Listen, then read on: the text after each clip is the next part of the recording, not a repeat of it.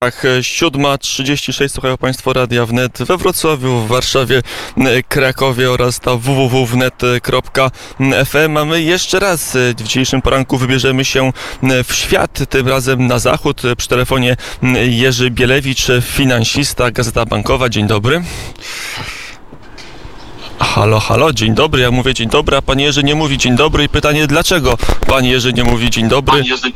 O, może teraz pan Jerzy powie dzień dobry?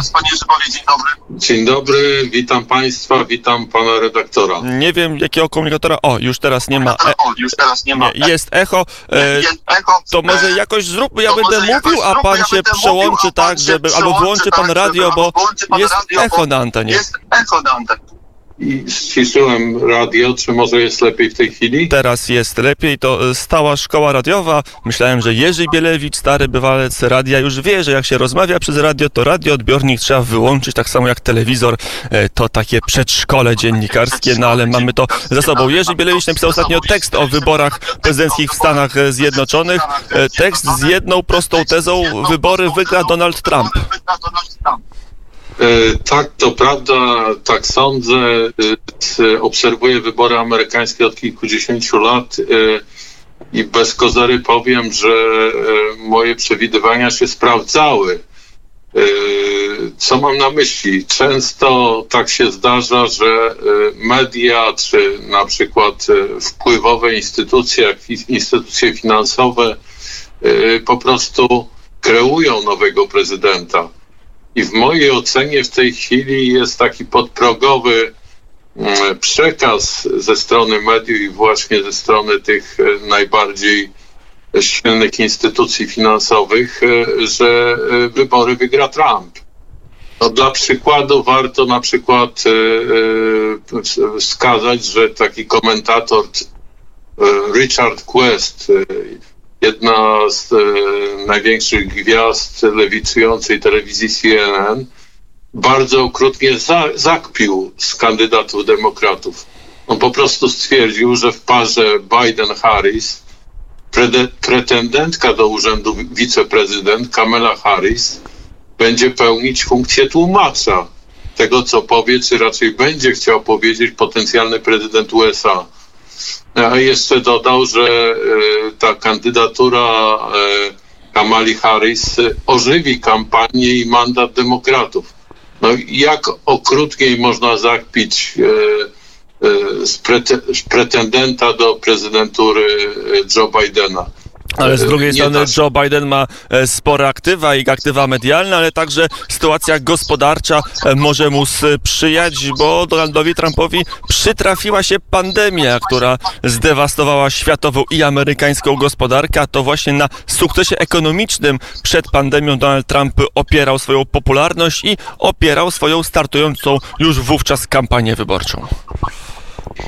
Yy, Ma pan rację, w tym kierunku właśnie demokraci starają się przekonywać.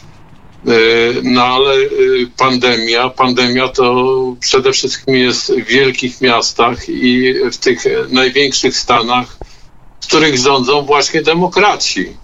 Demokraci, którzy na przykład wielu z nich popiera takie odśrodkowe ruchy jak e, Black Lives Matters albo Antifa. E, No, nie można e, jednocześnie popierać e, takie ruchy i e, mm, e, dbać o porządek publiczny w mieście czy w, w lokalnej społeczności, którą się rządzi. Więc wydaje mi się, że to jest taka ukryta dynamika tych wyborów, że demokraci nie do końca się sprawdzili, jeśli chodzi o pandemię koronawirusa, bo to na ich terenie wybuch, wybuchła ta pandemia ze zdwojoną siłą. E, Jednocześnie demokraci chcą e, kolejnego pakietu stymulacyjnego 3 biliony dolarów. E, Trump mówi, że 1 bilion wystarczy, wskazując na to, że demokraci po prostu chcą spłacić długi w miastach i stanach, w których rządzą, co nie jest bez racji. E, Więc e, e, to może być duży błąd demokratów, którzy trochę tak składają puste obietnice. a jednocześnie chcą upiec własną taką polityczną korzyść, spłacając długi na przykład Nowego Jorku, czy stanu Nowy Jork, czy Kalifornii. Więc tutaj takim dobrym Ym, faktem na potwierdzenie tej tezy jest to, że rośnie poparcie dla reelekcji Donalda Trumpa e, wśród Afroamerykanów czy innych grup etnicznych. Ale to co- główne hasło, od którego co prawda Joe Biden sam się odciął, ale które e, było i pewnie jest popularne e, wśród demokratów, czyli obcięcie finansowania policji, defund the police, to jest to hasło, które się wiąże z ruchem Black Lives Matters i, i to jest pytanie, na ile ten kierunek działania szkodzi Joe Bidenowi, a, m, a dodaje poparcia, czy na powrót to poparcie przekazuje do, Donaldowi Trumpowi i No, Republikanom. mamy, mamy trochę sytuację podobną e, do wyborów w Polsce, e, gdzie rolę białego luda pełnił albo e, prezes Jarosław Kaczyński, albo prezydent Andrzej Duda. Tam też wszyscy poza republikanami idą przeciw kandy- kandydaturze Donalda Trumpa. I jest to taki paradoks. Weźmy pod uwagę, że ewentualną zastępczynią e, Bidena jest właśnie Kamala Harris, która jest bardzo progresywną polityk. Wywodzi się e, z kręgów e, e, wymiaru sprawiedliwości. Była prokuratorem generalnym w Kalifornii, teraz jest senatorem z tego stanu. Popiera, popierała e, otwarcie Black Lives Matters. E, z pochodzenia jest, e, jej mama jest e, z Jamajki, a e, tata z Indii. W związku z tym jest to w tej nomenklaturze amerykańskiej jest ona e, Azjoamerykanką i Afroamerykanką. E, Czyli można powiedzieć, że zdobywa wszelkie możliwe dodatkowe punkty w obecnym systemie amerykańskim.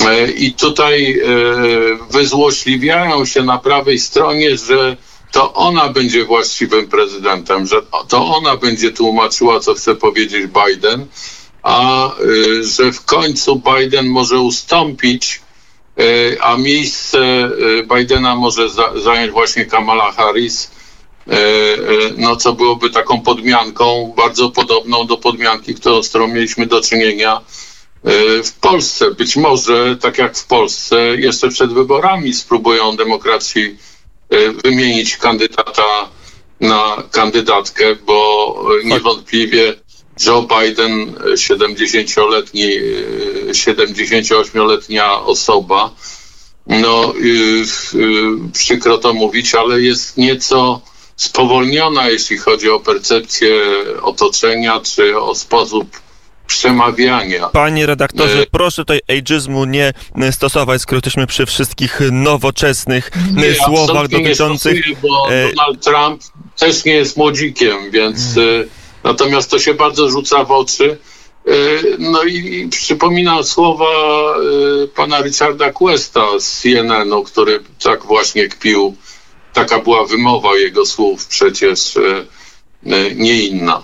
Powiedział Jerzy Bielewicz, finansista związany z Gazetą Bankową. Panie redaktorze, dziękuję bardzo za rozmowę. To ja dziękuję.